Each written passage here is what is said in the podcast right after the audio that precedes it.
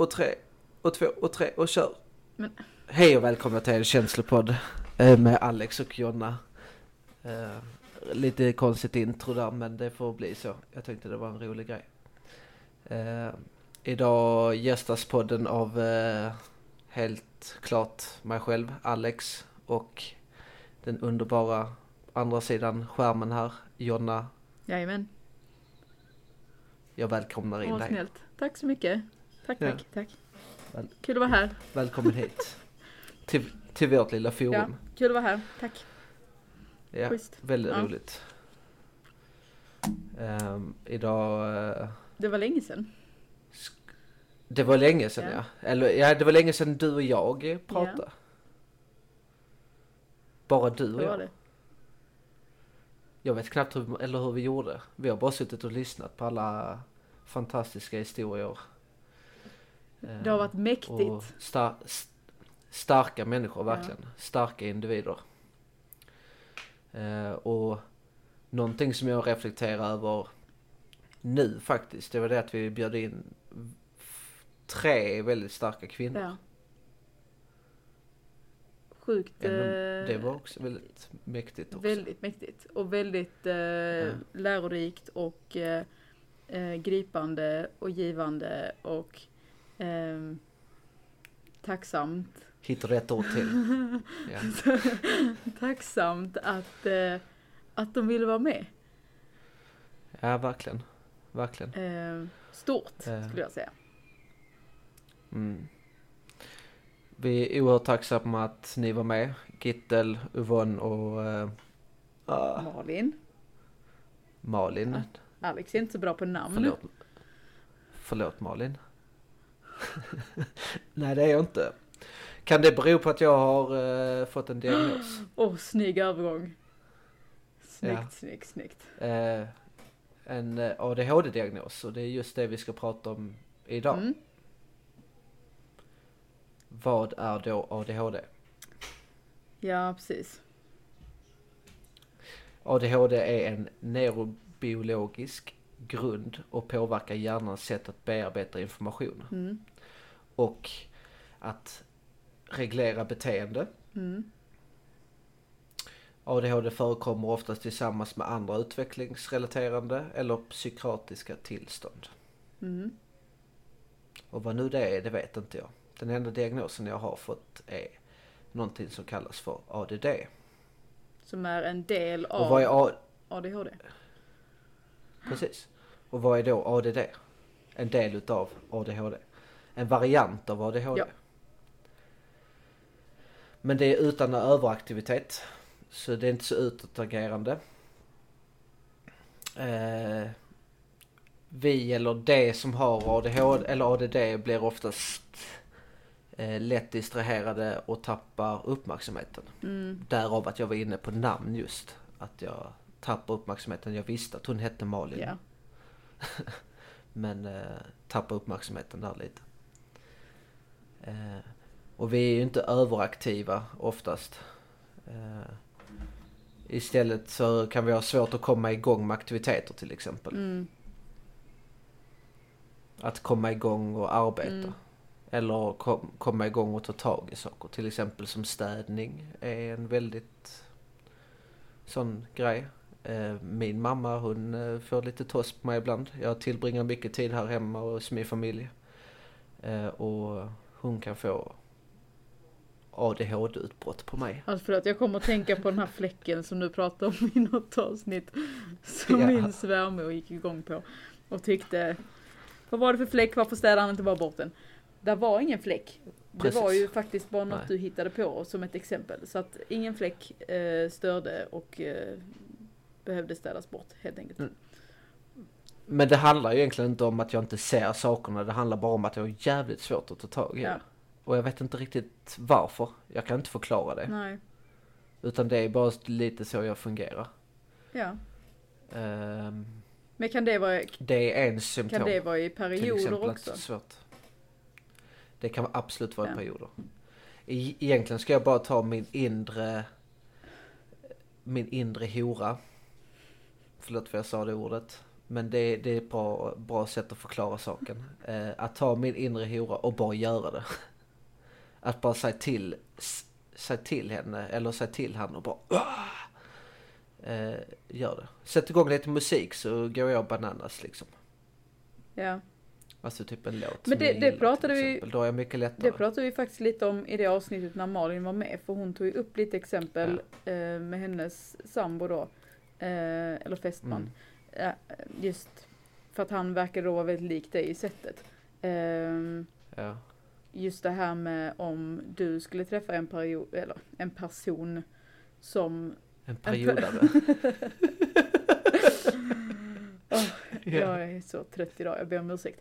Ehm, en person som också har eh, ADHD, om det skulle liksom Mm. krocka eller om det skulle vara eh, nyttigt på något sätt. Om ni skulle ha nytta av varandra eller om ni skulle liksom dra ner av varandra. Alltså förstår du vad jag menar?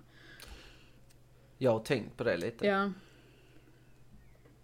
Ytterligare. Alltså jag tror det finns både för och nackdelar med att eh, korsa oss två. mm, Det kan liksom bli lite för mycket. mm, Och det blir slarvigt istället. mm. Ja, jag funderade också på det efteråt. Jag var lite så, hmm. Alltså det kan säkert funka, men sen Eh. kanske det beror på också hur man är som personer utöver ADHDn. Precis, en ADHD-person. Alltså du kan ju träffa mig som har ADHD. Och sen kan du träffa en annan person som har ADHD. Mm.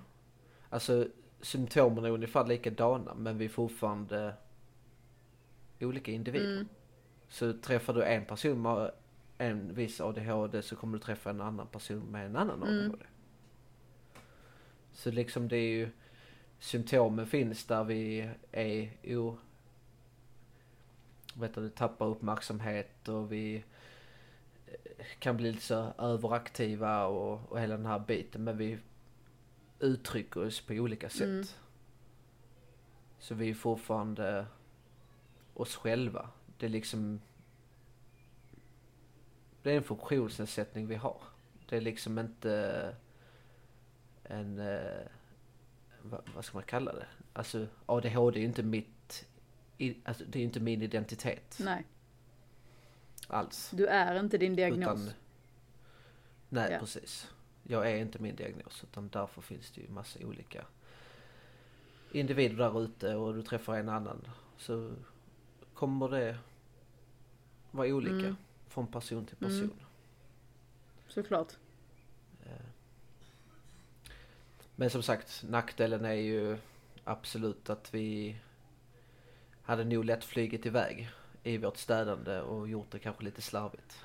Ja, inte så noga. Nej, vi precis. sopar in det in under mattan och in under soffan och... Syns inte, finns inte. Det, exakt. Åh gud. Ja. Alltså jag är, jag är ju verkligen så. Jag kommer ihåg ehm, efter mitt förra breakup, alltså med mitt XX blir det väl, ja, nå, någonstans där. Ett annat förhållande jag Ja. hade. Så, så lämnade hon mig och jag eh, började festa jättemycket. Eh, och jag kommer ihåg att jag kastade in allting i en garderob. Och stängde dörren. Så, ja. Ja. Så, så jag kommer ihåg att när jag skulle träffa då min, min förra tjej då. Eh, alltså shit vad jag städade den garderoben. Alltså det var saker överallt. och jag kommer ihåg att jag tog en hel, alltså jag tror jag tog fem, nej sex sådana här IKEA-kassar. Ja. Med kläder. Alltså jag har ju otroligt mycket kläder. Åh nej. Fråga mig inte varför. Jag tog typ fem, sex kassar och tog, alltså det var ju skittvätt. Mm. Så jag köpte nya kläder.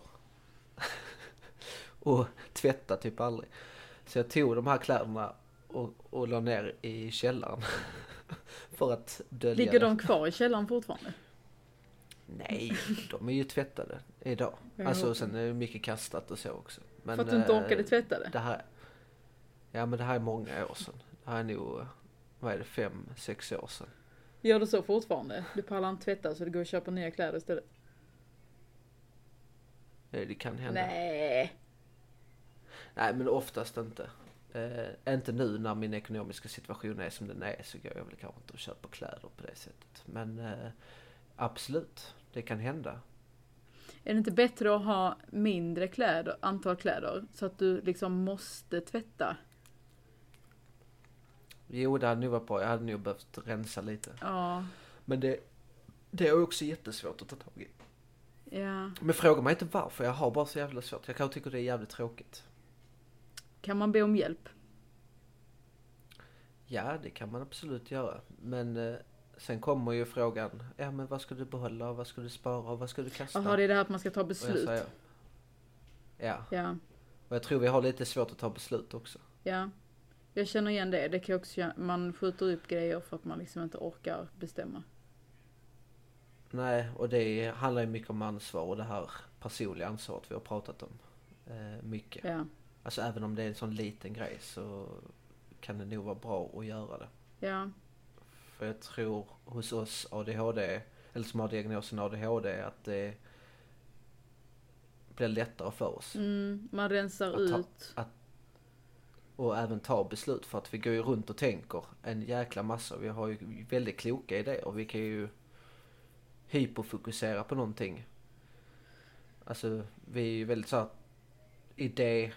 idérika. Ja, Alltså vi kommer på idéer så hela tiden. Liksom det är, det är som den här podden liksom. häromdagen, ja den kom ju verkligen eh, out of the blue. Eh, Ja. Och sen en vecka senare så hade vi släppt första avsnittet. Så att det gäller att hänga med i ditt Ja. tempo ibland. För när du väl har kommit på någonting och bara såhär, nu kör vi på detta. Och så eh, går det undan. Liksom. Vi skulle egentligen poddat igår. Vi skulle ha poddat Men i... jag somnade. Ja, vi, I vi söndags. började podda i söndags. Det gick inte I lörd... i Nej, lördags. vi börjar väl i Vad är det för dag lördags. idag? Nej, fredags börjar vi. Nej, Nej. i torsdags. Va? Va? Gjorde vi? Nej. Jag tror vi börjar i torsdags. Nej. Dagen innan midsommar. Va? Nej, nu känner jag att vi flyger iväg här. Vi skulle prata om Ja men grejen, men jag vi kommer att tänka på, nej men jag kommer att tänka, apropå att vi inte kan hålla fokus. Eh, Ja. Jag kommer att tänka på när vi, när vi började podda då, detta var i lördags kväll.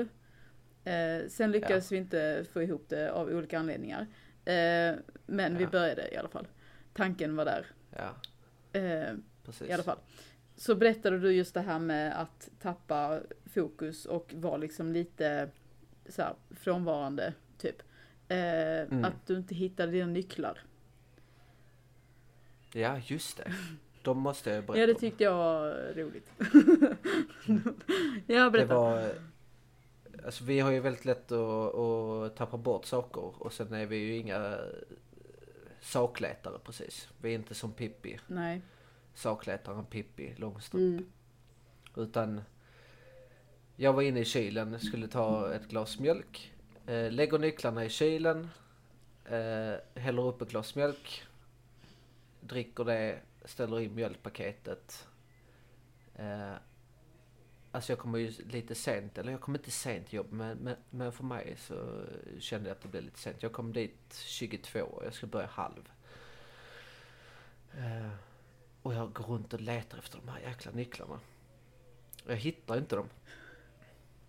Men jag hittar dem ju till slut i, i kylskåpet liggandes där. Eh, på en hylla. Ja, Ja. ja, där var de. Alltså jag, jag, jag känner igen mig. Men jag vet att jag gick runt och letade under sängen och allting. Ja, det kan jag tänka mig. Alltså, Och sist när man vet att de är någonstans överallt. också och så hittar de, det är ju bara frustrerande. Jag känner igen mig väldigt mycket just det här med att, att eh, göra saker och glömma saker utan att man reflekterar över att man gör det. Typ Mm. som det här att jag då i och med min sjukskrivning och så vidare. Nu har jag börjat jobba igen. Eh, lite grann och det går eh, upp och ner får jag väl ändå säga. Eh, men Ja. det är väldigt mycket dagsform som avgör. Eh, men just det här med att, att göra grejer när man tänker på det. Ehm, jag gör så hela tiden med saker. Jag hittar inte nycklar, jag hittar inte telefon, jag glömmer stänga av spisen. Ehm, jag glömmer liksom eh, mycket hela tiden. Ehm, och det gör det jättesvårt när man är på jobbet liksom och ska utföra uppgifter som man inte riktigt kan göra typ. Eller men just det här att man, man känns ju begränsad. Det är lite som att, jag har hört att någon förklarar det som att man har sirap i hjärnan typ. Att allting går liksom väldigt segt och väldigt så här långsamt. Och det känner jag jättemycket. Det är sirap i hjärnan liksom. Jag hänger inte med. Och det är lite frustrerande Det är för, att, för att man är van vid att göra grejer utan att behöva tänka eller liksom i ett visst tempo eller, och så vidare. Jag menar vi jobbar i kök, ofta ska allting gå väldigt snabbt. Eh, Mm. och vissa gånger får jag liksom påminna mig själv om att göra grejer långsamt för jag får inte lov att göra det snabbt. Nej, där är, har jag också ett problem. Jag kan inte göra saker långsamt. Nej, Det går gärna i 190. Och sen så helt plötsligt står jag där utan, eh, utan att ha någonting att göra och då letar jag istället. Och då börjar ju hjärnan gå. ja. Eh, i, i, vad, eller vad kan jag göra, vad kan jag inte starta? Äh, jag startar den ändå. Till exempel som att processa mat eller producera mat. Eh, inte processa, producera. Eh, alltså det kan ju, vi, eller vissa råvaror klarar ju liksom inte av att hålla länge i kylen till exempel. Mm. Så till exempel idag på jobbet tänkte jag, ah, men jag kan göra lasagnen. Ah, den är ju på lördag söndag. Den kanske jag inte kan göra idag. Det är way too eh, tidigt, höll jag på att säga. Det, det är väldigt Ja. tidigt. Alltså då hade jag varit tvungen att frysa in den, men hur roligt är det? Och tina upp den en gång till. Nej. Alltså, ehm, så mycket sånt. Och där kan det bli att jag gör det ändå. Ja, Och där, där blir det att jag inte tänker längre än näsan räcker. mm. Och så tänker jag inte på konsekvenserna efteråt. Men det är också lite så här för att, ja men då har jag det gjort så då behöver jag inte tänka på det sen. Precis. Jag tänkte på det nu i helgen när vi skulle dammsuga. Så har vi Ja. sagt, jag vet vi har sagt det i podden innan, just det här att göra liksom, man behöver inte göra allt på en gång. Att så här, ska du dammsuga, kan du dammsuga ett rum, det är lugnt liksom. Jag kan inte det. Jag kan inte bara, Nej, jag kan inte bara dammsuga ett rum. Jag måste dammsuga alla. Det går inte. Jag vet inte hur man gör. Ja, Jag är typ likadan. Alltså när jag städar, jag är ju så ostrukturerad så det finns inte. Alltså, jag har pratat om det tidigare på det men alltså jag kan ju springa och hålla på i köket. Mm. Sen tar jag någonting som ligger typ i köket som ska in i sovrummet. Mm. Vad nu det gör i köket men det är en annan Mm. femma. men så tar jag det. Och så går jag in och sen så börjar jag in i sovrummet. Mm. Och så gör jag liksom, alltså det blir typ halvdant alltihopa så det tar ju skitlång tid att städa. Och där måste jag verkligen jobba med mig själv. Att liksom göra en, alltså det är viktigt för mig att göra en sak i taget egentligen. Att skita i det. Men det har jag fått verktyg till i behandlingen faktiskt. De sa åt mig, gör en sak i taget. Mm. Det är ju skönt. Försök inte, för jag har ju berättat detta Det, på behandlingen att jag springer gärna runt liksom i lägenheten och finner liksom aldrig något slut. Nej. Men det är mycket, du har berättat mycket om eh, ADHD. Eh, Och jag har ingen diagnos, ADHD-diagnos. Men Nej. jag känner igen mig extremt mycket av det du berättar. Eh, Mm. Och även så vissa grejer man läser. Men då är det ju så att man, man eh, forskar ju inte jättemycket på eh, ADHD och kvinnor då. Utan det är Nej. ju i princip ingenting. Så att eh, där är ju säkerligen extremt stort mörkertal kvinnor som har ADHD men som aldrig får en diagnos liksom. Ehm, Alltså grejen är med diagnos också. Det måste jag bara punktera att få en diagnos det sätter faktiskt lite eh, käppet i hjulet eh, hos vissa människor. Till exempel du kan aldrig bli polis. mm, Du kan aldrig jobba som brandman. mm, Du kan aldrig jobba som tull. mm, Eh, sen var det några jobb till som verkligen, alltså. Så vissa tar ju faktiskt ett steg tillbaka och eh, nej, jag vill inte ha en diagnos för att då kan jag inte göra dessa jobben till exempel. Det kan jag förstå. Det är, men det är också rätt roligt för att eh, när jag gjorde utredning så berättade hon detta innan så hon bara, är du säker på att du vill göra en utredning? Mm. Det här, det här är de faktorerna som blir Mm. och att du inte kan göra till exempel. Mm. Men där har du ju valmöjlighet att säga nej. Mm.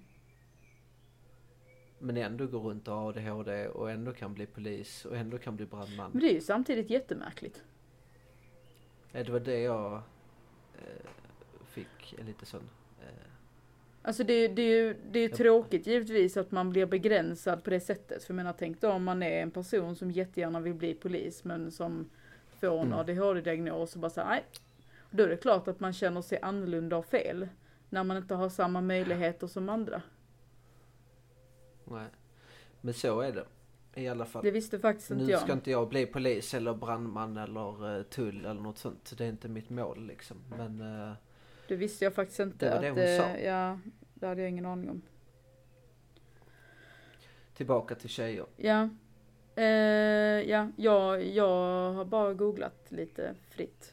Eh, Mm. Mm. För att försöka läsa. Det finns ju inte jättemycket att läsa. Sen, eh, Nej, det är väldigt kortfattat och det är... De håller ju på att göra en forskning om eh, korsningen mellan ADHD och beroende till exempel. ja. För det är väldigt många beroende som har eh, diagnosen ADHD. Men det måste ju ha någonting att göra, eller måste, eller ja nu ska inte jag sitta här och, men jag tänker att det kanske har något att göra med då eh, just det här med impuls och eh, konsekvenstänk. Ja. Ja. Vi har ju rastlöshet. Vi söker efter dopaminkickar eh, för att vi inte riktigt bibehåller de dopaminkickarna som andra människor. Mm. Vi eh, lägger för stor kraft i att söka efter dopaminkickar utanför oss själva. Mm. Eh, och då har vi nog väldigt svårt att hitta tacksamhet Mm. och acceptans i oss själva. Så det blir ju bristande på tålamod Mm. något så in i, i den här processen. Eh, eh, och då, då blir det ju lätt att vi liksom drar oss utanför oss själva, söker kickar någon annanstans. Ja. Beroende, nu pratar jag inte alkohol, droger, spel. Alltså jag pratar om kanske kickar som att eh, kasta sig ut från ja, ett högt berg. Mm. Mount, eller vad heter det? Mountainbike, ja mountainbike. Alltså extremsporter är ju väldigt vanligt också. Ja. Att folk har ADHD för att man söker efter sina dopaminkickar på olika sätt. Och det kan ju också bli ett beroende Mm. till slut att jag måste åka upp det med den där helikoptern. Ja. Ä- även om jag har pengar eller inte så måste jag. Ja. Och ett måste är ju... Jag använder det ordet mycket när man... Till exempel när jag spelar Mm. så var jag tvungen. Alltså enligt mig själv så var jag tvungen att spela. Så det blev ett måste. Alltså det blev ju en besatthet. Ja. Vad hände om du inte gjorde det? Då blev jag ju deprimerad. Alltså då blev jag ju rastlös. Ja. Jag hade dåligt tålamod. Ja. Jag blev i- irriterad lätt. Ja. Eh, eh, alltså, ja, omaktsamhet. Eh, allt det här liksom. Att jag flyger iväg i mina tankar. När jag väl satte mig ner och spelade så blev jag lugn. Jag var inte så rastlöshet. Jag fick mina dopaminkickar när jag vann. Mm. Jag fick mina dopaminkickar när jag trodde att jag skulle vinna. Mm. Eh, Vad, vad gav det då när du inte vann? nej men då tänkte jag ju direkt att nästa gång. Ja. Alltså jag trodde jag, äg, alltså jag trodde jag ägde spelet. Alltså jag trodde jag kunde läsa av det spelet. Du var smartare än spelet. Ja. Ja. Så liksom byter jag bara spel där Mm. så kommer jag vinna. Mm. Men i, i det stora hela så gick jag ju bara back hela tiden. Ja, det, det går snabbt. Eh, så det kvittar lite i eh, om jag vann eller inte. Mm. Eh, för det enda, det enda som gick i mitt huvud, det löser sig. Det gör det alltid. Jo, det fixar sig till slut. Ja, det gjorde det ju. Men det var ju, men det var ju fel väg jag ja gick. absolut. Det var det ju. Helt fel Men väg. det är ju svårt att... Jag vet att det lös, löser sig. Ja, men det var ju svårt att förstå det då. I, när du var i det, Mm. liksom. Eh, men som jag har förstått det så ser ju ADHD olika ut hos kvinnor och män. Ja, Eh, i alla fall i ung ålder. ja. För att, alltså om man då tänker barn och då pojkar framförallt, för det är oftast de som får Mm. diagnosen när de är barn. Då är det ju mycket Mm. det här utåtagerande. ehm, och Precis. hyperaktiva liksom. Ehm, Ja, och, och dålig uppmärksamhet. ja, precis. Ehm, kanske då, och, och det speglar ju oftast av sig då på eh, skolan. Alltså eh, Precis. Skolarbeten och eh, läxor och så vidare. Så att där har ju eh, vuxna lättare att fånga upp. För att det är så, det är så tydligt på något sätt. Att man liksom eh, lägger märke till det. Men, som jag då har förstått, nu är inte det här liksom eh, hugget i sten, men som jag har uppfattat det så eh, är ju flickor då i skolan helt annorlunda. Och väldigt mycket mer eh, inåt. Eh, Mm. de är väldigt mycket duktiga flickor. De gör det Mm. de ska. Eh, de gör det bra. ehm, gör inte mycket väsen av sig och så vidare. För att så är ju liksom flickor någonstans uppfostrade med att man ska bete sig och man ska vara lugn och fin och man ska vara duktig och så vidare. Eh, Mm. Och men, men att det då blir en liksom inre konflikt någonstans. Att man eh, eh, inte får på något sätt leva ut sig själv, eller vad man ska säga. Plus då att man gärna får eh, eh, utbrott eh, när man väl är hemma istället. För att det någonstans liksom bubblar över. För att då har man liksom gått en hel skoldag och varit liksom den här duktiga flickan, gjort det man ska och så vidare och så vidare och så vidare. Eh, och det har tagit väldigt mycket energi och så vidare. Så. Eh,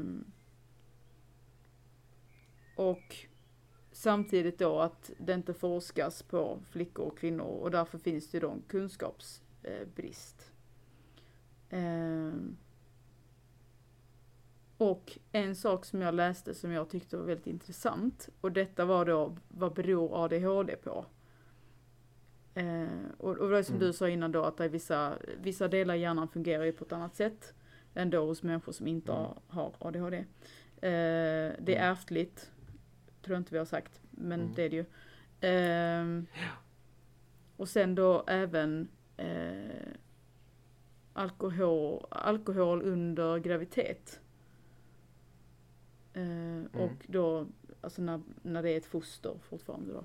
Eh, och Mm. om man är för mycket för tidigt född. Mm. Och det tyck, Det är jag. ja, jag tyckte det lät väldigt spännande. Liksom den kopplingen. För att, jag menar, under en eh, under graviditet kan det hända mycket och under en förlossning kan det hända väldigt mycket. Eh, och, och just, jag har ju hört att under en förlossning så ehm, en, en kvinna, eh, liksom, kvinnans liv är i, i, i fara, skulle man kunna säga, och barnet liksom, för att förlossning är så Ja. pass eh, påfrestande liksom, grej. Och att det kan hända väldigt mycket. Eh, Jag läser här också att eh, miljöfaktor det är ett stort mm, eh, påfrestande. mm, Eh, alltså just eh, alltså under graviditeten. mm, En stor riskfaktor. Och eh, infektioner till exempel. ja, hos den gravida mamman. Eh, som kan eh, eh, och sen även eh, låg födelsevikt men det har väl kanske lite med tidigt född också. Ja, det är det ju. Oftast Ja. är man ju mindre. Eh, för att man, man är inte man är inte liksom färdig eh, vuxen, man ska säga. Alltså det beror ju på när såklart man föds. Eh, men, men en graviditet är ju liksom nio månader av en anledning. Det är ju för att man ska bli en viss storlek för att, och då organ ska vara utvecklade för att man ska liksom eh, klara livet utanför eh, livmodern. Mm. Eh, Och är man då för tidigt född så är det inte säkert att alla de grejerna är utvecklade.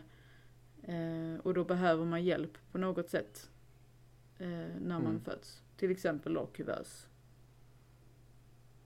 Sen står det också här, det är också rätt roligt. Trots det starka ärftliga inslaget har jakten på specifika ADHD-gener ännu inte gett några svar. Hmm.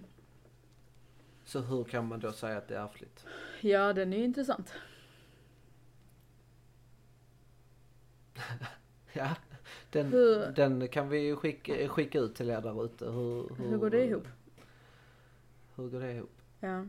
Eh, Jag hade jättegärna velat ehm, prata med en, en kvinna som har ADHD.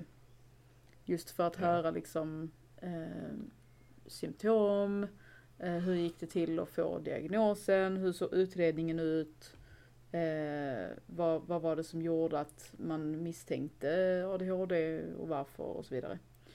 Eh, just för att det inte är lika, det pratas ju inte lika mycket om det. Eh, jag, jag följer någon på Instagram som som delar lite och försöker väl liksom prata mer om det och, och visa liksom så här kan det se ut, så här ser det ut för mig och så vidare.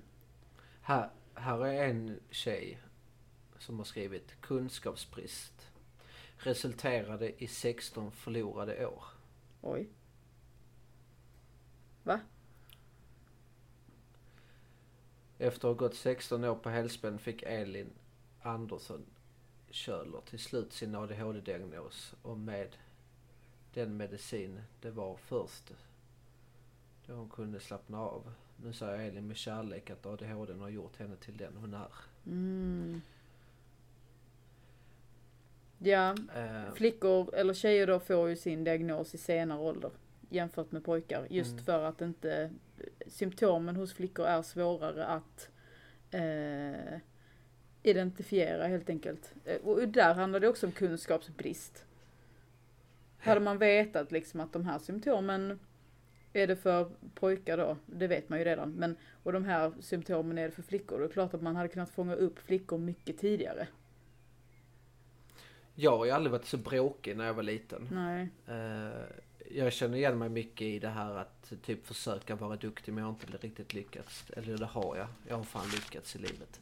Men när jag var liten så kände jag mig mycket annorlunda för att alla kunde ta tag i saker mycket lättare än vad jag gjorde. Mm, Det kan jag reflektera över idag att jag typ kände innerst inne mm, när jag var liten. Eh, så mina föräldrar har alltid sagt nej, nej, du har inte ADHD. Eh, så här, för att jag har ju aldrig varit utåtagerande, jag har ju aldrig slått. Jag har ju aldrig, jag har aldrig varit på den nivån. Men jag har ju alltid, när, jag- eller när jag gjorde eh, min, vad heter det, utredning. Ja, Så, så var ju mamma med. ja. Och hon förklarade ju precis som, men han var ju precis som en vanligt barn som var lite, alltså aktiv och gjorde mycket och och det kunde ju hända att han, alltså när vi var ett samtalsämne, att han kunde helt plötsligt bara bryta in och säga någonting helt annat. Mm, För att det har ju också mycket med ADHD att göra, att man har jävligt svårt att, alltså du vet det bara bubblar in, det bara kokar Mm. och du vill bara säga det du vill säga. Mm. Så känner jag i denna podden ibland också. Jag bara, och så måste jag hålla mig. ja. Du har mycket att säga. Ja, Eh, ja jag kan eh, absolut relatera till det. Men, men, men vissa bilder som mina föräldrar har haft liksom, en normal aktiv unge. Mm. Inte överaktiv men som ett barn ska vara. Ja. det är också...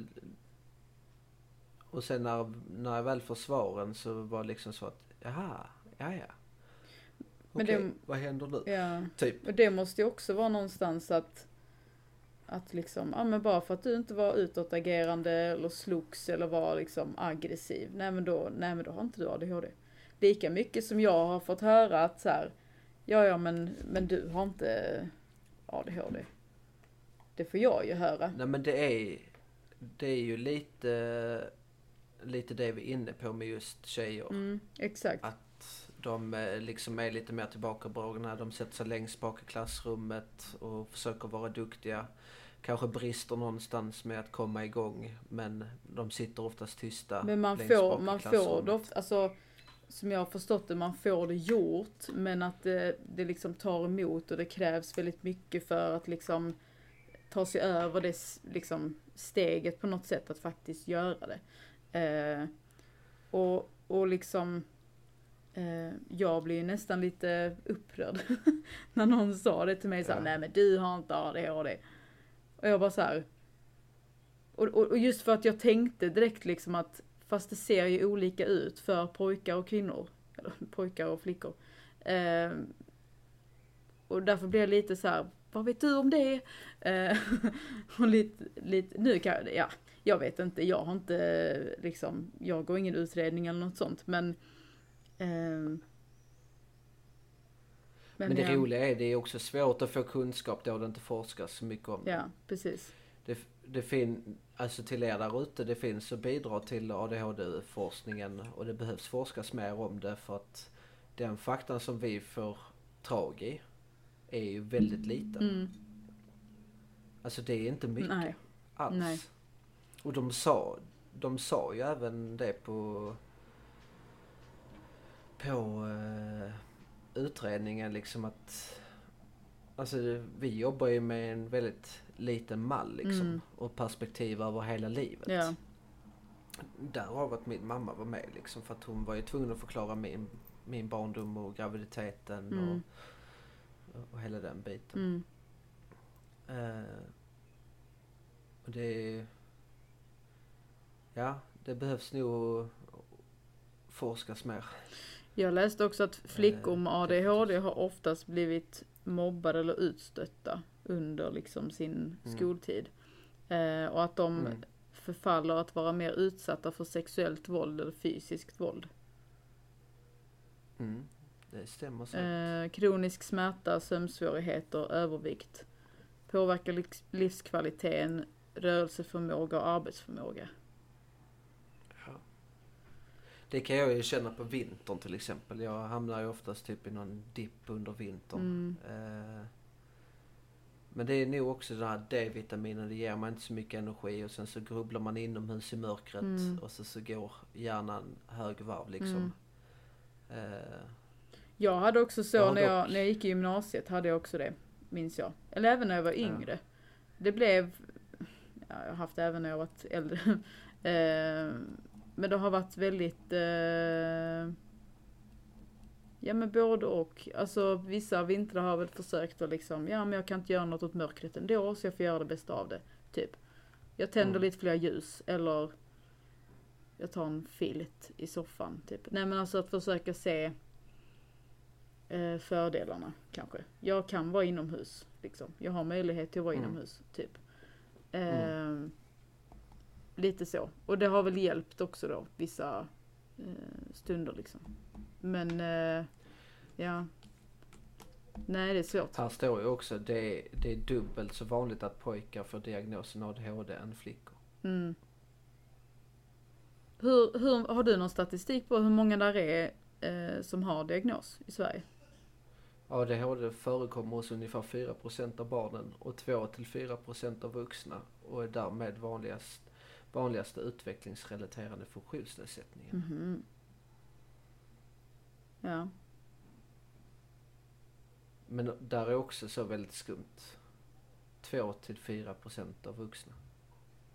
Ja, vad, vad baserar man det på liksom? Alltså, Ja, det, antingen är det väl två eller så är det väl fyra.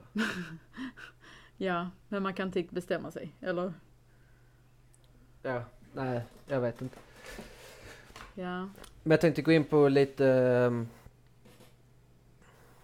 hur man behandlar ADHD och ADD. Ja. Mm. Kör.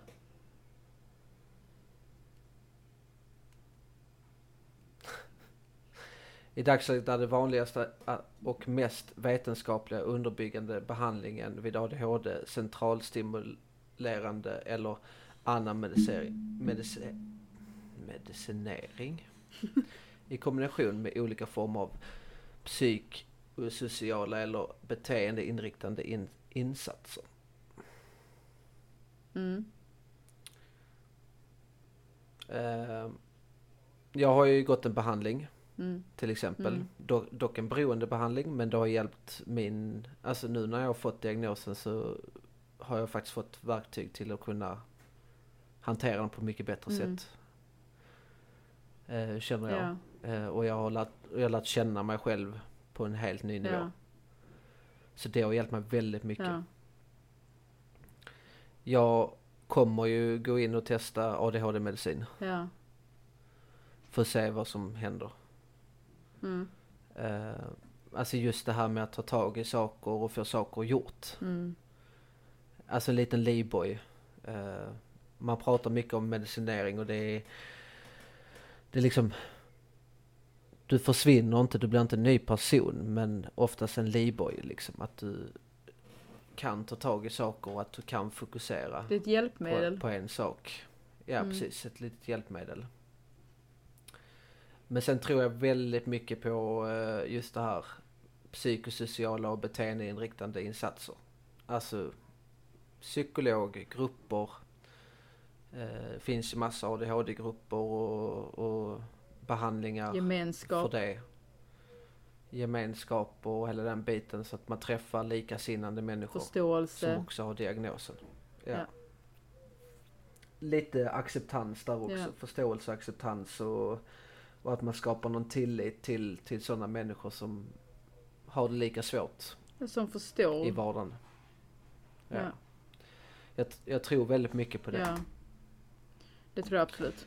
Eh, medicineringen är ju att lindra symptomen. Mm. Det, det tar ju inte bort alltså, symptomen men det lindrar ju lite grann. Ja. Eh, Men jag har, en, jag har ju en kompis som har gått en sån här eh, behandling, alltså gruppbehandling då. Mm.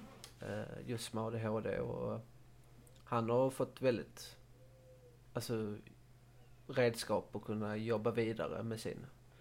Mm. De pratar ju mycket om rutiner, att skapa rutiner Mm. och, och följa dem. Ja. Eh, till exempel för en ADHD-människa så är det skitsvårt att... Till exempel om du planerar dagen, alltså någon dag. Jag har planerat in torsdagen till exempel. Mm. Då, då ska jag på ett möte och sen ska jag till Transportstyrelsen och fixa körkort. Ja. Och, och sen ska jag spela golf på kvällen. Ja. Det är ju ett mission för mig redan nu. Ja. Hur fan ska jag klara med tre saker? Alltså tre saker är egentligen jättelite. Alltså, eh, men för en ADHD-människa så kan det betyda, Bestiga ett berg. alltså, ja precis. Alltså att verkligen, oh shit, nu ska jag hinna med detta. Och du vet, allting ska ju gå i 190 också. Man har ju inte tålamod. Nej. Så fort som möjligt så är det färdigt. Ja. Eh, men där har jag ju fått redskapen att ta det lugnt. Mm. det, det kommer bli bra. Ta en sak i taget liksom. Eh, så kommer tre saker att lösa sig. Ja. Men jag, men jag måste försöka ha tålamod. Men det är svårt. Det är jättesvårt. Eh, det var lite en inblick där. På hur det kan vara att ha tre saker. Och där pratar de mycket eh, om ehm, om att kanske skala ner det Mm. väldigt mycket Mm. i den här behandlingen. Att skala ner det till mikro eh, molekyler istället. Att till exempel nu ska jag på morgonen ska jag duscha. Okej, då duschar jag. Mm. Sen ska jag ta på mig. Då tar jag på mig. Sen ska jag gå ner för trappan. Om man nu har en trappa. ta, Ja. på, ta på sig ytterskorna. Ja.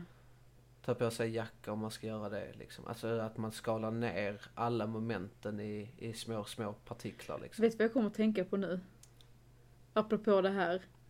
Eh, när jag gick i skolan så Ja. vaknade jag exakt samma tid varje dag. Alltså skoldagar då. Jag tog exakt lika många minuter på mig att klä på mig. Exakt lika många Mm. minuter på mig att här, borsta tänderna. Och det var samma klockslag varje dag också. Och, Ja. och höll jag inte detta då var liksom min dag förstörd i princip. Alltså jag hade jättesvårt att liksom Jag vet inte. Och det var just det här när klockan ringde så kanske jag snosade en gång, inte mer. Sen gick jag upp och sen gjorde jag liksom alla de här stegen. Jag åt liksom samma sak, eh, samma tid, lika länge. Alltså väldigt så. I, som i en liksom låda höll jag på att säga. Nej men väldigt sådär bestämt. Så. ADHD är väldigt likt eh, autism. Mm. Alltså... Eh, vad heter det? Ah. Help. Eh, symptomen Mm. Ja, är, ju, är, är ju väldigt lika. ja. Eh, och det finns ju massa olika autismspektrar också. Mm. Eh, men typ det jag hörde lite nu var ju lite det. Att, Ja, jag, Så- jag har inte lyckats eh, Och- hålla det så sen jag och- fick barn. Nej. Och, och kommer man utanför den så är det ofta som att bestiga ett berg om man inte håller deadlinen liksom. Det är mycket som, Jag- som känns som bestiga berg i min vardag. Eh, Jag har ju samma dilemma till exempel när jag vaknar och jag snosar för många gånger. Mm. Och jag vet det, Mm. men jag gör det ändå. Mm.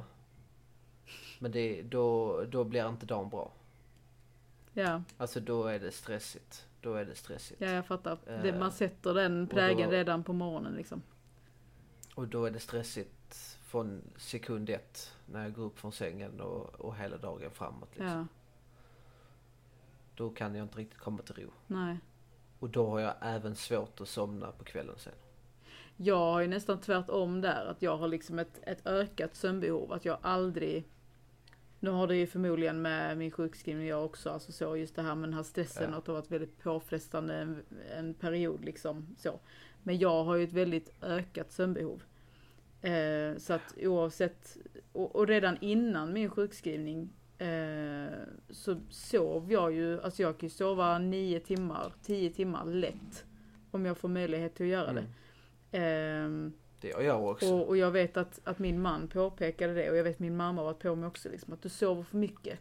Du är trött för att du sover för mycket. Så jag, nej, det är inte det det handlar om. Och sen när jag fick liksom kunskap kring högkänsligheten eh, så lärde jag ju mig det att, att högkänsliga återhämtar sig på nätterna.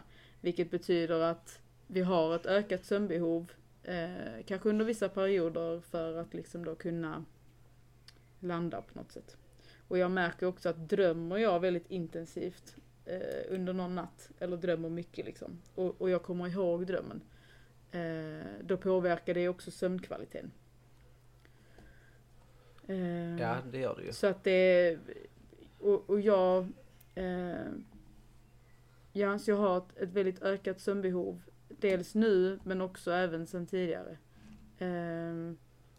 Och det är nog bara sån jag är liksom. Att jag behöver sova mer än andra liksom.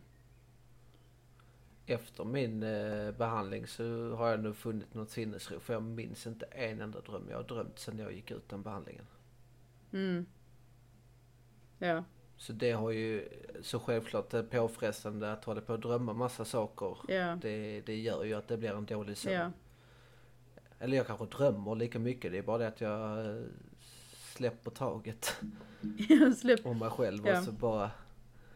Och bara släpp det. Nej men på något sätt. Eh, jag vet ju själv när jag är orolig och så här. Då ligger jag ju också och sover hela tiden. Mm. Alltså när jag har varit i mina deppigaste perioder liksom, depression deluxe, då har jag ju legat och sovit. Mm. Då har jag sovit, vaknat, gått till jobbet, jobbat, kommit hem, sovit, kanske går upp och äter någonting, sen har jag gått ner och lagt mig igen. Mm. Och så sover jag liksom så här, du vet man vaknar upp och så ner och så, du vet, Mm. jätte så här oregelbunden sömn och så sover jag, sov, sov, sov, sov. Alltså det var ju nog en av de hemskaste tiderna i mitt liv. Ja, Men jag gick ju verkligen ner och bara sov. Alltså jag, det enda jag gjorde var gick ner till sängen och sov. Var det ingen som reagerade? Jo, det är klart.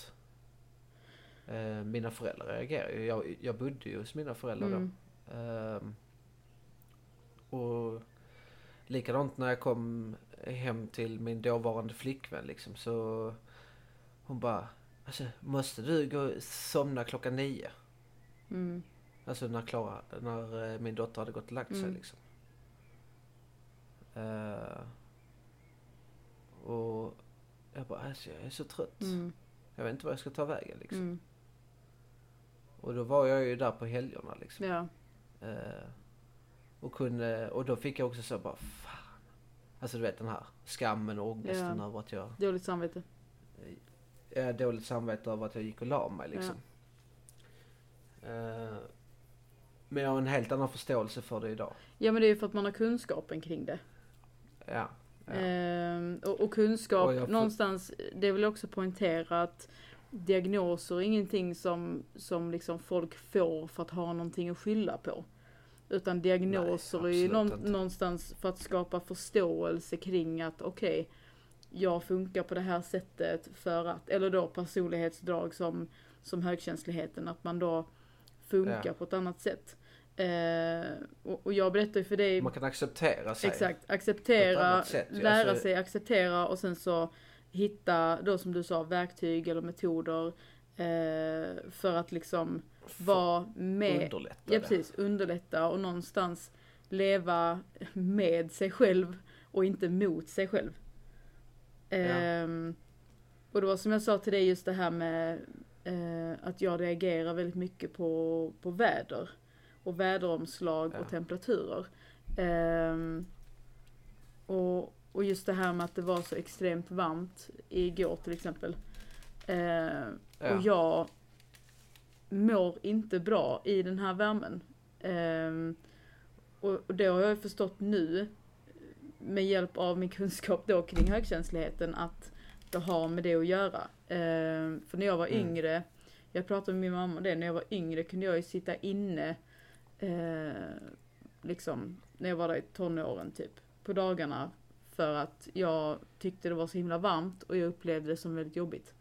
Eh, och jag fick alltid höra det liksom. Ja du är så blek, varför är du inte ute i solen och varför är du inte solbränd och la la la la.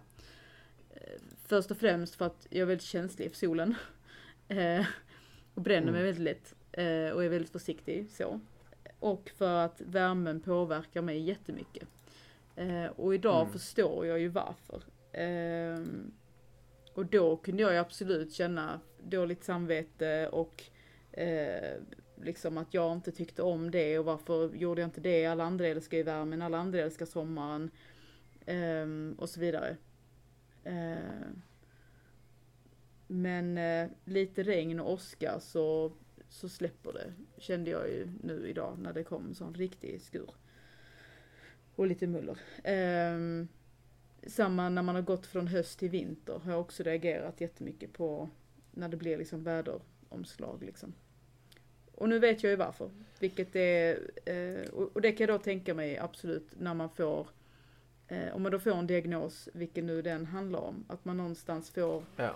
kunskapen kring att jaha, okej, jag funkar så här för att jag är inte eh, udda eller annorlunda och så, eller jo, någonstans, alla är unika på sitt sätt givetvis. Eh, men att man liksom, ja men som jag sa, man får leva eh, med sig själv och inte mot sig själv. För mig var det en lättnad ju. Ja, jag kan tänka mig att det blir en lättnad någonstans. För mig var det en vä- väldigt lättnad och det fick mig till att gå vidare i livet på, på ett nytt sätt. Ja.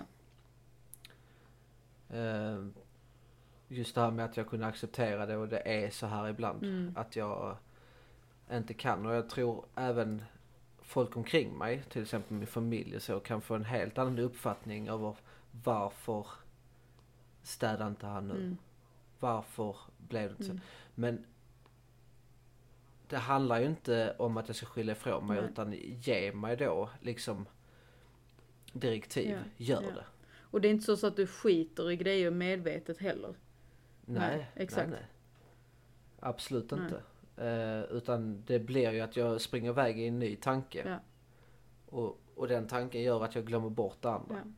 Jag är jävligt lätt att komma ihåg. Vi är inte långsinta heller. Nej. Vi med ADHD. Inte alls. Nej. Utan vi, eh, vi kan eh, liksom så här Ja.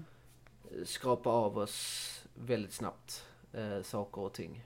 Eh, och det kanske kan störa vissa människor som inte har kunskapen heller att hur fan kan du bara släppa det så snabbt liksom.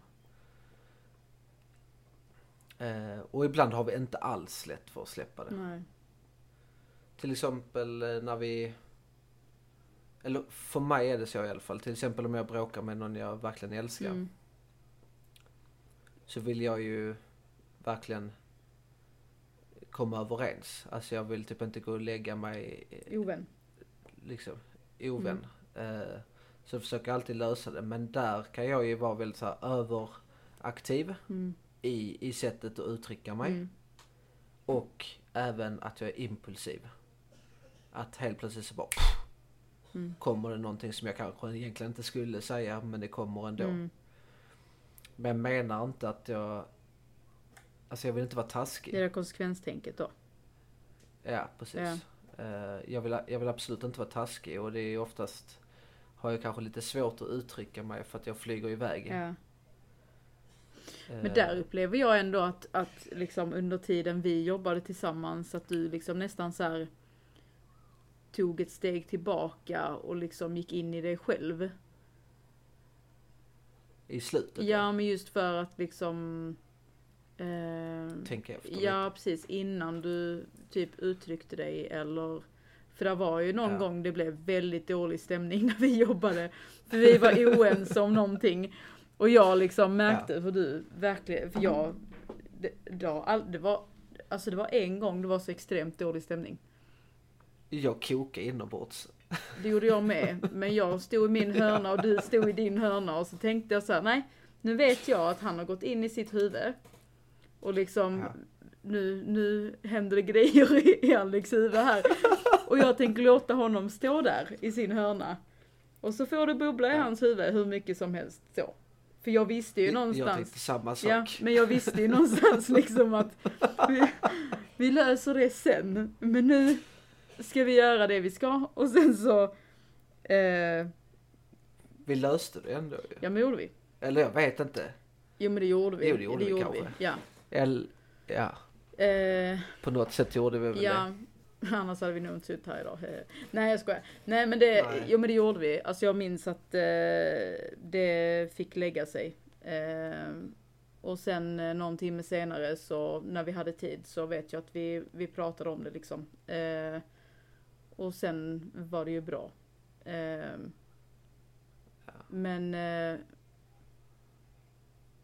jag, jag Men tror jag ska- kommer ska, ihåg säga, vad det ska handlar om. säga vad jag tänkte. Nej, jag kommer inte ihåg heller. Jag för jo men jag kanske kommer ihåg vad det handlar om. men eh, ja, Du behöver vi kanske inte gå in nej, nej, nej. Men jag, eller, Absolut inte. Men jag, men jag minns situationen för jag bara, alltså kan hon inte bara förstå? Ja. nej! Alltså lite, alltså lite så. Eh, men, men det var ju, då, då satt jag också med väldigt så lite kunskap om just högkänslighet. Mm, Alltså jag försökte, alltså när, eller när jag kom hem den dagen. mm, Så blev jag så här över, alltså hyperfokuserad. Mm. Så jag satt ju och läste om detta. nej. Gjorde Jo. du? För att jag, för att jag bara ville typ förstå. Åh. Ja men det är ändå, det, det måste jag ändå säga är en väldigt fin egenskap. Just det här när man vill förstå någon annan. Och det tycker jag folk Ja. som lyssnar kan ta med sig. Att, att känner man någonstans att man inte förstår en annan människa men man liksom vill förstå.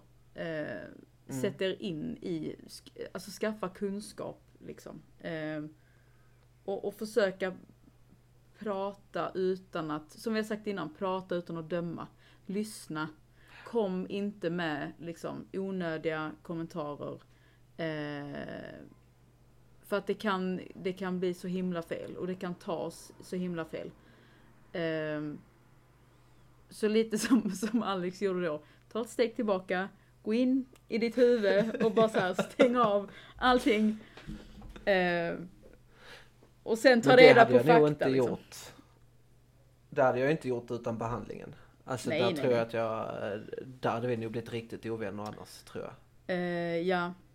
ja, det tror jag. Absolut. För att jag, jag, jag hade nog bara fortsatt. där är ju många grejer som jag tänker ibland att, som när du kommer med grejer, eh, att så här hade inte, eller grejer händer liksom.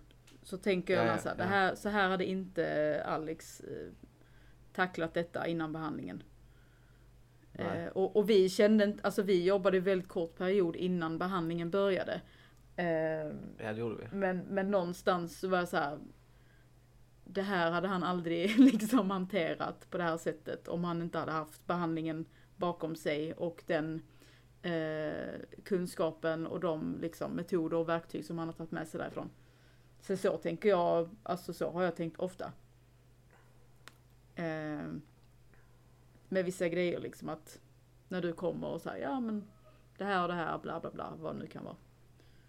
Och jag bara Mm. så här, så där hade inte Alex för sex månader reagerat. liksom, nej. I, i, den, I den situationen tänkte jag mycket sinnesrobönen.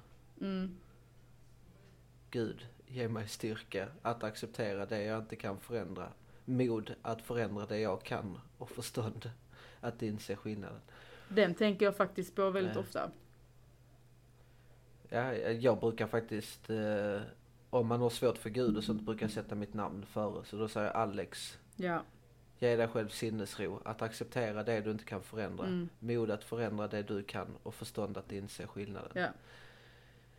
Jag läste en rolig grej här, Mm, på tal om något helt att, att man avbryter när andra pratar och svarar på frågor innan det ställts färdigt. ja. ja, du tycker det? Men, Ja. det, men där kompletterar vi varandra ändå rätt Ja, bra. det gör ju. Alltså när jag fastnar så hjälper du mig Ja. och, när jag, och då du fastnar så Mm. hjälper jag dig. Exakt. Det är precis som vi någonstans vet hela tiden vad den andra ska.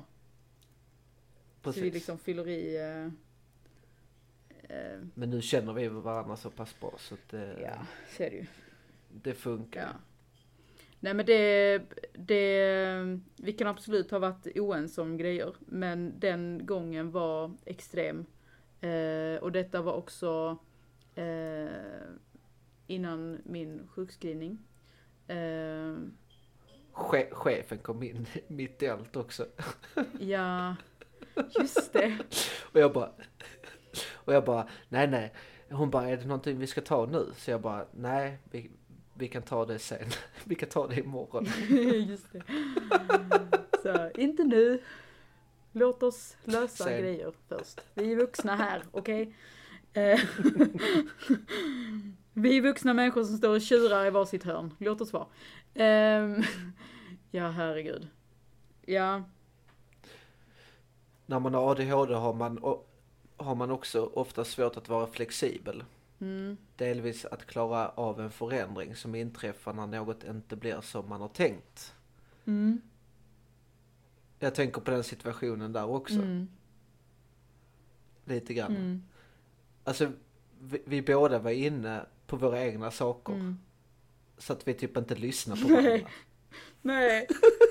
Nej, alltså det är så sjukt när man tänker tillbaka. Jag vet inte vad jag ska ta vägen. Ja, exakt. Ja. Verkligen. Så, Våra egon, våra egon bara gick totalt bananas och bara såhär, vadå, du tycker Ja, du har problem, vad tycker du jag har? Helt ärligt. alltså, det är helt sjukt. så just det här med att vara flexibel. ja. Flexibel. Ja. Det kan ju tolkas på olika sätt då. Nej men eh, ja, absolut. Vi hade absolut våra eh, issues. Eh, båda två. och jag tror någonstans, vi har varit så himla lyhörda för varandra hela tiden egentligen. Eh, och, och jag tror någonstans att när vi kom till en punkt där vi liksom båda två hade lite fastnat i liksom Ja. våra grejer, att vi någonstans så här, men vad fan ska jag lyssna på dig nu? Liksom. Men du mådde inte bra och jag mådde inte bra i den situationen heller. Nej exakt, det är det jag menar. Och då blir Alltså det svårt att möta alltså just- liksom. Ja. För att då är vi helt inne i våra saker och vi försöker liksom lösa dem Mm, själva Mm. på något sätt. mm. Men ändå hjälpa den andra individen samtidigt. Ja, Och det är jättesvårt när, när två väldigt sårbara människor möts, Mm. tror jag. Och ska försöka lösa en diskussion.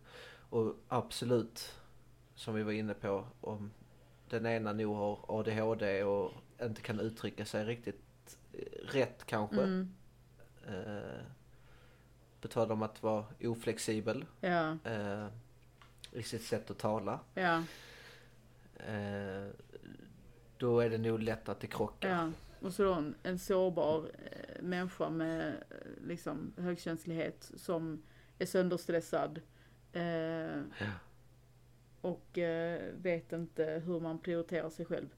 Eh, har aldrig gjort det. Och eh, att balansera, ja, fasen var stökigt du. Men eh, på tal, eller vet du så här, ADHD kanske uttrycks utåtagerande medan ADD är väldigt introvert. Mm, Eh, nu pratar jag om ilska. Alltså jag kan ju gå runt och ha ilska på en människa men jag går runt med det och, och har det själv. ja, du uttrycker inte det. Jag delar ju inte med, jag uttrycker inte det. Nej.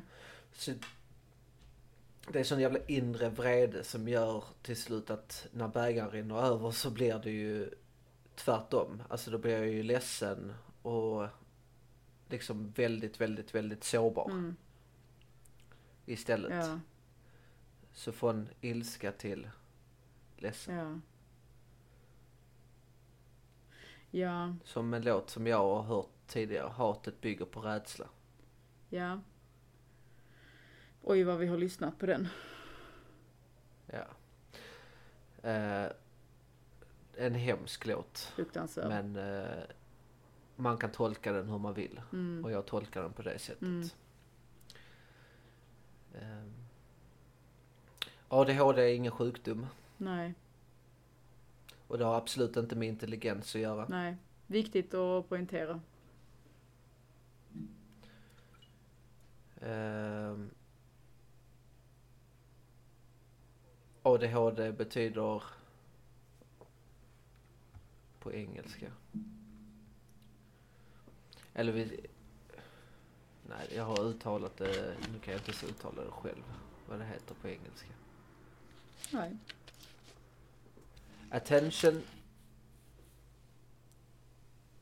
Deficit Hyperactivity Disorder. Se, du kunde ju! Och om man, ja, och om man tar eh, ADD så är det Attention Deficit Disorder. Så det enda man tar bort är ju hyperactivity. Ja. Precis. Och det är ju en, det är en tolkningsfråga för att de är jäkligt lika. Ja. Eh, jag som har diagnosen ADD, jag sitter ju och rör på mig konstant. Mm. An, antingen studsar jag med benen eller så sitter jag med tummarna eller så pillar jag mig i näsan eller så kliar jag mig i håret. Eller så rör jag mig på stolen och inte kan sitta still. Eh, Apropå snurra på stolen, det gör jag hela tiden. ja. Till exempel. Eh, Ja. Till exempel när jag badar och sånt så kan jag oftast inte stå still utan det ska hoppas och det ska göra saker Mm. eh, hela tiden liksom. Mm. Och därför har fotboll och handboll och sånt gynnat mig väldigt mycket när jag var yngre. Mm.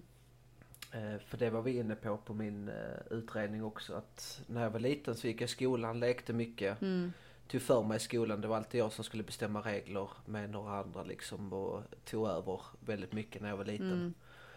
Och sen direkt hem, äta och sen till träning. Ja. Och så var det nästan måndag till söndag. Ja.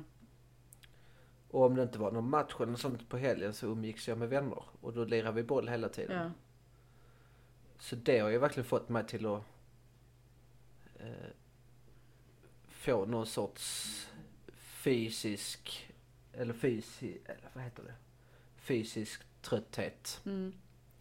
Som så- som har gjort att jag kan sova på nätterna. Ja. Så jag tror det är väldigt viktigt att vara, Hitta en aktivitet Även som om man, man tycker är- om. Alltså som någonstans ger Precis. en liksom... Eh, jag vet ju att det gynnar mig väldigt mycket. Idag har jag ju golfen i och för sig men det, det är inte så att jag blir jättetrött. Jo, om jag går ut två 18-årsrundor då är jag helt slut i benen. mm, Men det hjälper mig också att kunna lägga mig och sova. Mm. Eller till exempel som igår, var ute och bada hela dagen. mm, Hoppa och studsa och hade mig liksom. Mm. Eh, det gjorde också så att jag somnade eh, ja, jag märkte det. tidigt. Ja. Jag bara, nej han svarar inte. Ja. Nej men då är det, nej, han har nog somnat. Så jag tror det är väldigt viktigt att, att ha en fysisk aktivitet som du gör. Om det är nu att gå ut och gå eller vad det nu än är. Om man har eh, diagnosen ADHD så tror jag det är väldigt viktigt. Mm. Det är sen någonting som man gör för Eh. sin egen skull också. Ja. Kan jag tänka. Alltså. Ja. Och jag tror också det hjälper mot eh, ouppmärksamhet och hela den att du blir uppmärksam eh, på saker och Du ting har något lättare. att fokusera på. Ja men det blir väl som att man tränar det också tänker jag. Ja. Jag har ju jättesvårt med ögonkontakt till exempel. Ja. Eller jag har inte svårt men det blir lätt att jag eh, vrider och vänder mig. Eh, för att jag hör kanske ett fågelkvitter någon annanstans och så kanske det upplevs att jag är eh, ouppmärksam liksom men det är jag inte. Mm. Eh, jag kan funka väldigt bra ibland genom att sitta och bläddra i Instagram och lyssna samtidigt. Mm. Ibland. Mm. Ibland är jag helt lost. Då är jag in my own world. Mm. Det vet ju du. ja. Du har ju till och med... Vi har suttit precis framför varandra i eh, personalrummet och Ja.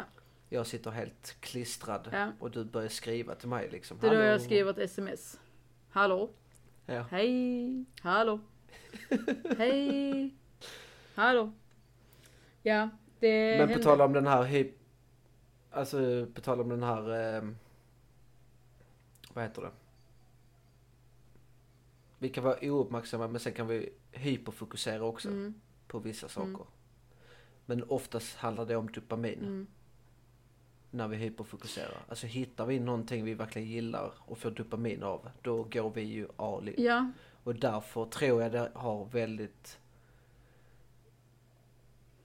Därför tror jag att vi har väldigt stor risk att hamna i beroende. ja, För hittar vi till exempel en drog vi gillar eller min drog som var spel så blir det ju att vi blir helt klistrade. ja. Vi kan inte eh, ta oss därifrån. Då tänkte jag också på en sak, just det här med att hitta någonting som, som man liksom fastnar för, som man går all in då. Är det, är det Mm. liksom, är det lätt att man någonstans kör all in så att man till slut typ kör slut på sig? Förstår du vad jag menar då? Ja, absolut. Helt klart. Alltså jag har ju gått in i sådana hobbys, till exempel som fiske, gått all in, köpt sjuka grejer. Mm. Och sen helt plötsligt så bara blir jag skittrött på det och gillar inte det längre. Och så sitter jag med alla saker. Det är det som står i källaren. Ja. Ja. Apropå och Så rensa. står jag där. Ja. ja. Ja. Nej men så står jag där med massa saker ja. liksom. Och så gillar jag det inte längre. Nej. Golfen är nog, alltså under de senaste åren, de fyra senaste åren, den enda grejen som jag verkligen har eh, fastnat vid och fortsatt. Mm. Verkligen. Mm. Jobb, mitt jobb till exempel, Ja. eh, har också varit sån grej. Det är liksom det jag kan. Ja. Det, det är typ det jag är gjord för på något sätt. Mm. Eh, sälja saker, vara trevlig för människor och serviceyrket. Det har ju ändå varit en grej för mig liksom, att sälja in grejer. Mm. Eh, men sen har ju mitt jobb också blivit så här att jag älskar mitt jobb i början. Ja. Sen kan det, Dala. har det lätt blivit så här att det dalar där också. Ja. Men jag har ändå gjort mitt jobb. Men jag kan gå runt med den här inre ilskan Mm. eh, över personer eller själva jobbet och, och sen kan det bli så att man blir trött på det Mm. och så, så har man bytt. Jag har ju bytt jobb jättemånga gånger. Ja. Men det kanske är den inre rastlösheten då? Ja, att det blir liksom samma sak hela Ja. tiden. Det är roligt med nya utmaningar. Ja, precis. Men sen I alla samtidigt, fall i alltså, jobbrelaterat. ja exakt. Men sen samtidigt, jag menar, kockyrket är ju känt för att man någonstans liksom, vad ger man? Två år på ett ställe, sen letar man sig vidare. Ja. Vad jag, det är vad jag har lärt mig i alla fall. alltså så. Men vi pratade om det på midsommar och mamma konstaterar ju det också. Mm. Att jag är så. Mm. Jag älskar ju mitt jobb i början och sen kan det eskalera och sen så är det helt plötsligt igång med något nytt. Liksom. Mm. Eh, och då var det en annan människa som också hade ADHD eh, som just sa samma sak. Ja. Eh, hon hade också gjort sådär. Och hade det inte varit för medicinens skull så hade inte hon haft det jobbet som hon har nu och haft det så länge. Mm. För att det blev att hon inte blev så rastlös. Hon tyckte det var kul oavsett vad. Ja. Hon är personlig assistent idag liksom till en till en brukare liksom och det är hon sa det är ju egentligen inget jobb för mig men på grund av ADHD-medicinen så funkar det alldeles utmärkt. Ja. Men det måste ändå vara skönt att kunna eh, landa någonstans i det. Att liksom, ja, Ja, men det här funkar, det här är bra. hade- Jag behöver inte stressa vidare liksom. nej. Och nu har hon jobbat där i liksom fem år så. Ja, och funderar fortfarande på att gå vidare. Jo, om det kanske blir att hon inte har den brukaren kvar. ja, Då, då kanske hon funderar på att byta. Mm. Men så länge brukaren är kvar mm, och är i livet Mm. liksom så vill hon vara kvar. ja, Liksom. Eh, och det sa hon, det var tack vare medicinen. det är ändå fint. Och att hon eh, liksom till slut hittar sig själv också. Mm, Jag tror mycket att få en diagnos om man nu har teorin att man har det eller, eller att man tror att man har ADHD så tror jag det det kommer hjälpa dig väldigt mycket. mm. Ja, Eh, Det gjorde det för mig och det har gjort för många jag har pratat med. ja. Ja. Jag hade gärna velat ha med någon i framtiden med ADHD. Ja. Så jag slipper lyssna på dig mer. Jag skojar.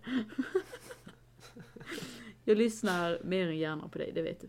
Eh, ja, nej men det ehm, har varit väldigt lärorikt. Eh, och givande. Och ehm, ja. Viktigt. Mycket viktigt. Viktigt att eh, fortsätta prata om. För jag upplever också någonstans att det lite hyschas. Liksom. Ja och det är fördomar där också. Ja, det hyschas Eh, liksom, "Shh, det här en- pratar vi inte högt. En, en, en ADHD-människa det är damp. Ja, den, Du den eh, hörde man ju mycket när, när man var liten. Mm. Ja. Och det är utåtagerande och det är ditten och datten men så enkelt är det inte. Nej. Utan eh, det handlar om eh, den största grejen med ADHD det är ju just eh, attention och eh, eh, hyperaktivitet. Mm, Och svårt att hitta sina gränser. mm, Alltså faktiskt. mm. Eh, går all in på saker. Eh, kan inte vara med i diskussioner på ett... Kanske flyger iväg. Ja. Det gör jag. Mm. Men det har jag, det har jag någonstans ac- eller accepterat också. Att jag har lätt att flyga iväg. Det har jag också accepterat. Tack. Tack. Ja, eller, eller kan jag själv acceptera så kan nog andra acceptera det också. Ja, men det är viktigt eh, att man någonstans accepterar själv i grund och botten liksom. Eh, Men också, kuns jag kommer att tänka på det nu, kunskap är ju makt någonstans. Alltså jag menar, kunskap tar ingen ifrån dig. Eh, och med sådana här grejer så kunskap skapar ju också förståelse för andra människor. Oavsett vilken diagnos det handlar om.